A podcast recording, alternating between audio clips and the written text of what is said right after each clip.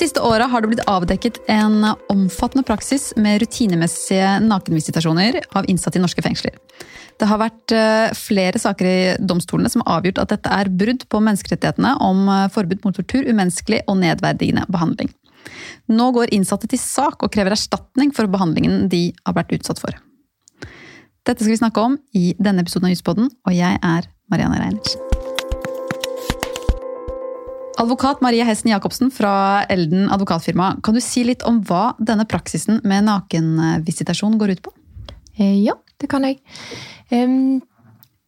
Praksisen varte frem til høsten 2020 og gikk ut på at innsatte i norske fengsler eh, måtte kle seg naken og sette seg på huk etter besøk.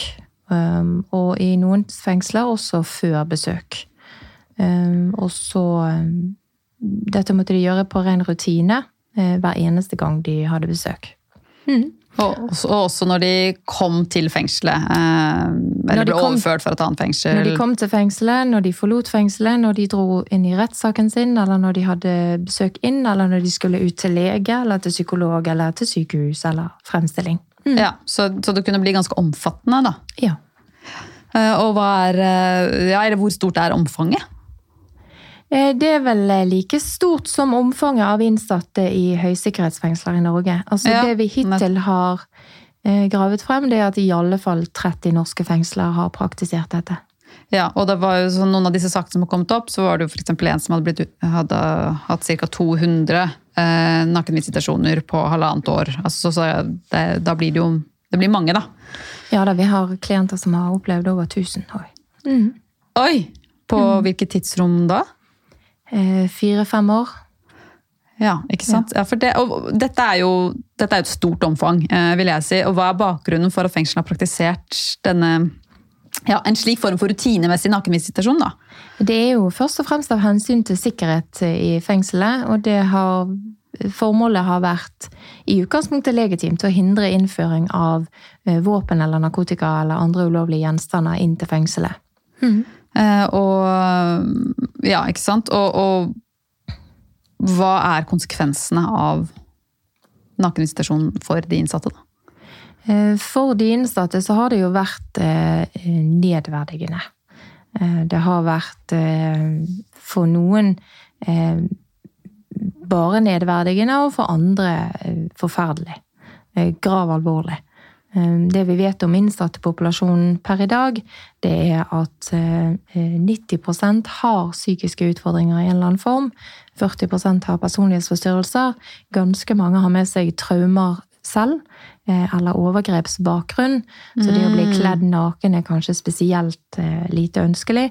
Ehm, og så vet vi at denne praksisen rammet alle innsatte i høysikkerhetsfengsler. Ehm, som betyr at alle også som ikke bruker narkotika, eller ønsker å bruke narkotika, eller har noen som helst tilknytning til narkotika, har blitt visitert. Eh, som betyr at det har ikke vært noe på en måte legitimt eh, formål rettet Det har ikke vært noen konkret vurdering knyttet til hver enkelt innsatt, eller eh, hvilken fare de representerer for, innførsel. Det har vært en sikkerhetstanke fremfor alt som har vært styrende. Og så er nok det domstoler har funnet, er jo at det å gjøre dette rutinemessig hele tiden, i alle situasjoner, er eh, så uforholdsmessig og så krenkende at det eh, faktisk overstiger terskel for EMK artikkel 3, som er torturforbudet. Altså mm. nedverdigende behandling. Mm. Og EMK er menneskerettighetskonvensjonen. Når, ja. når du kom til dette med at det var uforholdsmessig, holdt jeg nettopp å skrive, skrive for å huske å spørre om forholdsmessighetsvurderingen i det.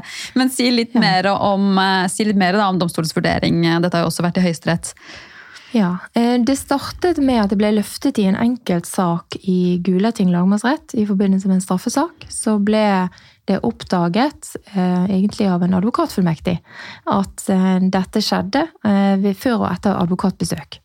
Og så stilte vi spørsmål ved det. Og så stilte Advokatforeningen spørsmål ved det. Og så oppdaget vi jo selvfølgelig når vi spurte flere klienter, at dette skjer jo ved alle besøk. Eh, vi oppdaget at det skjer før besøk, som ikke ga egentlig mening. For da forlater jo eh, klienten vår cellen sin for å gå mm. ned til besøksavdelingen. Mm. Så det betyr at han kan ikke smugle inn noe til besøksavdelingen. eh, som gjorde at vi stilte spørsmål ved hele praksisen. Det skjedde også ved glassveggbesøk, som betyr at det er aldri noe fysisk møte mellom den innsatte og den han får besøk av. Som Som jeg ba om å få ut rutinen. Jeg dro rutinen for domstolen og sa at dette er menneskerettskrenkende. Klienten min på det tidspunktet hadde over 200 visitasjoner uten at det på noe tidspunkt var gjort noe funn. Nettopp. Ja. Og det var eh, nakenvisitering, som er sånn kler av seg alle klærne. Det var ikke trinnvis eh, avkledning. Det ble ikke protokollført noe sted. Eh, og det så ut fra rutinene også som at de ikke hadde tatt inn dette med trinnvis uh, avkledning engang. Ja, for det er sånn at du, du, du, du kler av deg litt av gangen, og så kler du på deg igjen, og så kler du Ja, det. du kler Ja. av halve kroppen, og så tar du på deg klærne igjen, og så kler du av resten. Ja. Som er et sånt, i alle fall et minstekrav uh, til Ja, en og- en ok gjennomføring. Ja, og når det ikke er protokollføring heller, så er det liksom ikke et si, vedtak til grunn for Nei, og jeg, eh, jeg, jeg kan ikke påstå at det kreves et vedtak for hver gang eh, man skal gjøre det, men det kreves en begrunnelse. Mm. det kan ikke skje på, på ren rutine. Sier domstolen i alle fall. Det Gulating fant, var at dette overskred terskel for nedverdigende behandling, eh, sånn som det er formulert av Menneskerettsdomstolen gjennom den praksisen de har ført for ulike dommer. Um, og dermed eh, ble hele praksisen funnet å være menneskerettsstridig. Og så fulgte Sivilombudet opp, og eh, KDI innrettet seg og lagde nye midlertidige regler for alle fengsler i hele Norge eh, innen et par måneder. Også og senere stadfestet eh, Høyesterett også i flere andre saker, eh, både høsten 2020 og også i våren, mai og juni 2021, at dette er en menneskerettsstridig praksis eh, som nå er avsluttet. Mm. Ja, ok. Og hva, hvordan har, Du nevnte jo også at instruksene har blitt endret, så hva er praksisen nå? Eh, Nå er praksisen at det skal være konkret mistanke. Det skal være noen holdepunkter for. Eh, Man kan fortsatt visitere. Eh, Det kan man. Men man må ha en begrunnelse for å gjøre det, og så må det protokollføres, og så skal det gjennomføres ved trinnvis visitasjon. Men det har, dette skapte jo reaksjoner blant en del ansatte, blant annet. At de sa at dette går på sikkerheten løs for oss. Ja.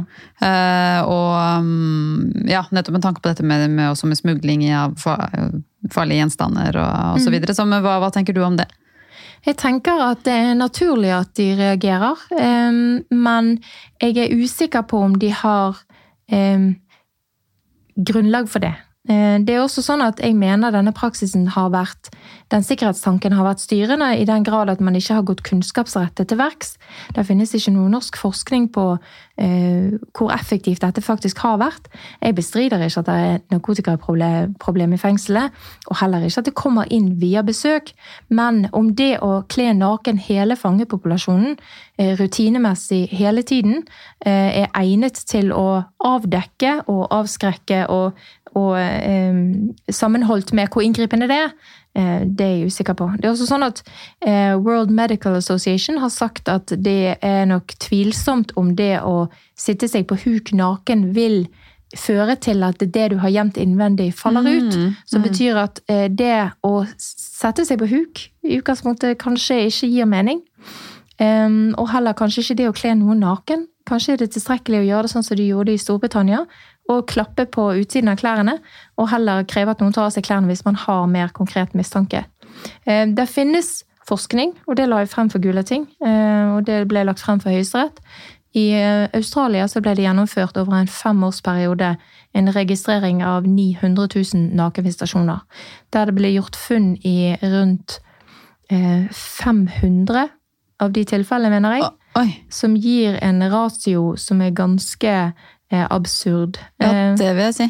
Samtidig så viste forskningen at det, eh, etter at man fjernet denne rutinemessige nakenvisitasjonen, så ble eh, relasjonen forbedret mellom de ansatte og de innsatte, sånn at den dynamiske sikkerheten, altså de ansatte sin mulighet til å fange opp eh, de samme problemene gjennom samtaler med innsatte, altså gjennom tillit og, og relasjon, eh, ble betydelig bedret. Mm. Nettopp. Og, og det er også sånn at man har fortsatt mulighet til nakenvisitasjon, men det skal kreves da en eh, mistanke og også en begrunnelse, da. Ja. Ja, så det formaliseres litt mer, eller at det kreves liksom Det blir en terskel da, for å gjøre det. Ja, det blir det. Ehm, Eh, og sånn som jeg forstår det da, så sier at det er nødvendig. Ikke sant? Det er nødvendig å ha en terskel fremfor at det er rutinemessig, sånn at ikke alle må, må gå gjennom det. Det vil jo være egnet.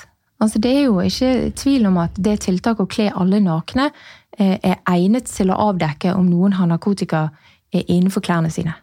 Men det er åpenbart uforholdsmessig. Det er også sånn at Vi vet at fra forskning at enkelte fengselsbetjenter vil til, eh, fra tid til annen smugle med seg inn på jobb. Da vil det også være egnet å kle alle fengselsbetjenter hele tiden helt naken mm. når de går på jobb, men det er lettere å forstå at det er helt uforholdsmessig. Det kan vi ikke gjøre. Men det samme gjelder innsatte i populasjonen.